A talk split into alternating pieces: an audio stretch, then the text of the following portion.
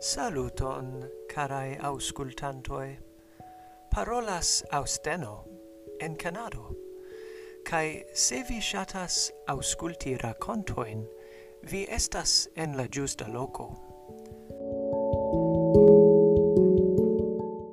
Fakte, ni havas tre specialan episodon hodiaŭ, char ni havas nian unuan gaston mi tre gioias presenti al vi mia amico Van, quiu ne nur estas samlandano kiel mi, sed facte sam urbano.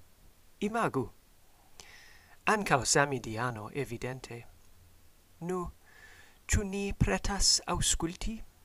Ciu ni cunportis nian ple shatatan plush urson? Bone. Jen nia interviuo cun Van. Saluton van. Unue mi volas bonvenigi vin alla podcasto Raconta Tempo. Ciu vi shatus presenti vin al niai auscultantoi? Yes, certa. Saluton al vi ciui. Mi nomigas Vaughn. Mi lojas en Edmontono, Kanado. Cun mia edzino cae mi estes programisto. Bonege, dankon. Kiam vi esperantigis, Von? Mi unua rencontis nian bonan lingvon, kiam mi trovis Esperanton lerno libron. Tio okazis kiam mi estis en la meslerneo. Tiam mi nur lernis comensante. Sed multa jare poste, circa 2007, mi trovis alien Esperantan lerno libron, Kai tiu revecis la intereson, kai ecte tiu momenton mi decidis esperantigi. Bone, nu mi petis vin partopreni en nia podcasto, char temas pri racontoi, evidente, kai mi scias ke vi mem scribas kelkain racontoin esperante. Do, bonvolu prescribi vian metodon por scribi racontoin. Ia foia en nia Esperanto clubo ni audis pri homoi kiu scribis racontoin usanta nur kvindek vortoin. Ni do decidis tion fari per octec sep vortoi.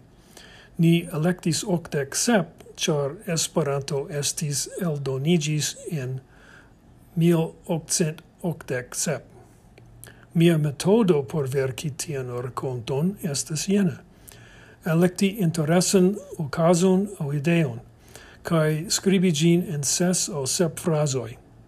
Tiam calculi la vortoin, se estes tro multae vortoi, eligu vortoin tia cae tia lauebla, se ne tro multe, aldoni frason au vortoin lau besone gis esti octec vortoi exactante.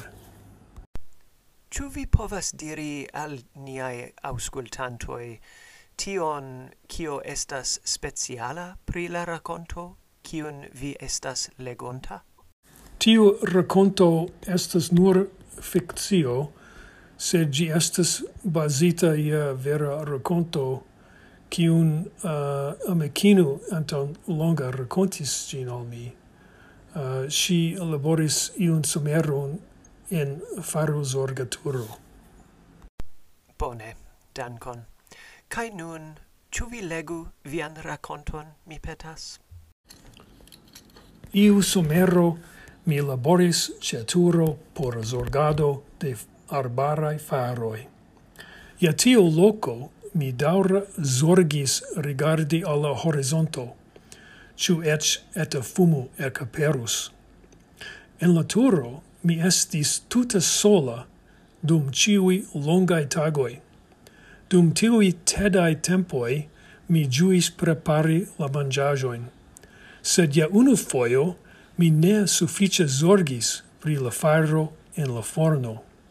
Justiam la radio sonis lauta, Attentu, attentu, dec sepaturo rimarco che estas granda fumo ec ondegas ce via loco. Effectivi, mi opinias che via turo mem ec proligas. Mirinde, dankon amico, tio tre placis al mi, cae mi esperas che ancau niai auscultantoi giuis gin, ciel mi ple multe. Nu, anta ol mi adiaus vin, mi volis demandi unu lastan demandon. Ĉu vi havas ple shatatan raconton en Esperanto? Au ĉu vi povas rekomendi bonan raconton al niai auscultantoi? Nu, uh, mi tre shatas Pinocchio, kiu mi tre shatas, kiam mi estis canabo.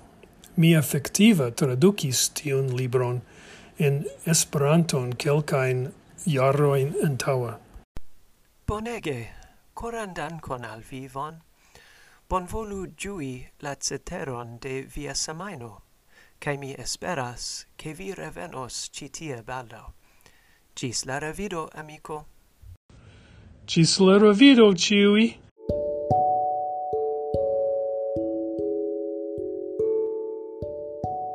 Cae nun al vi, carai auscultantoi, coran dankon pro via attento. Se vi volas scribi al mi, mia rete adreso estas raconta tempo ce gmail.com. Se vi volas subteni la podcaston, mia nomo en Patreon estas Raconta Tempo. Gis la sekva episodo. Dormu bone, kai sonju Esperante.